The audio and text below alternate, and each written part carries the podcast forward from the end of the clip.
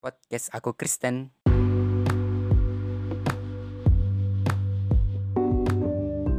Hikmat berseru nyaring di jalan-jalan, di lapang-lapangan ia memperdengarkan suaranya. Di atas tembok-tembok yang berseru-seru, di depan pintu-pintu gerbang kota, ia mengucapkan kata-kata. Artinya, orang-orang selalu menyerukan didikan atau hikmat di mana-mana.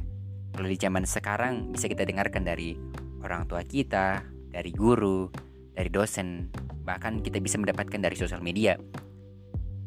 Kenapa orang menyerukan hikmat di zaman sekarang atau didikan? Supaya kita bisa mengerti dan tidak salah jalan. Tetapi walaupun itu sudah diserukan, kita manusia masih tidak mau mendengar, bahkan malah meremehkan dan menolak didikan tersebut. Katakan di dalam kitab Amsal 1 ayat 28 begini. Pada waktu itu mereka akan berseru kepadaku tetapi tidak akan kucap.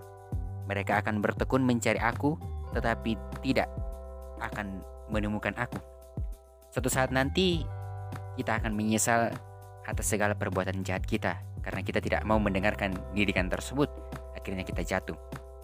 Suatu saat nanti kita juga akan mencari Tuhan tetapi kita tidak menemukan Tuhan lagi. Jadi dari sekarang ketika orang mendidik kita mari kita mendengarkan.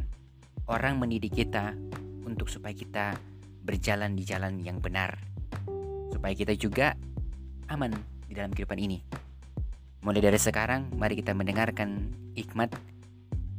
Karena hikmat itu membuat hidup kita aman.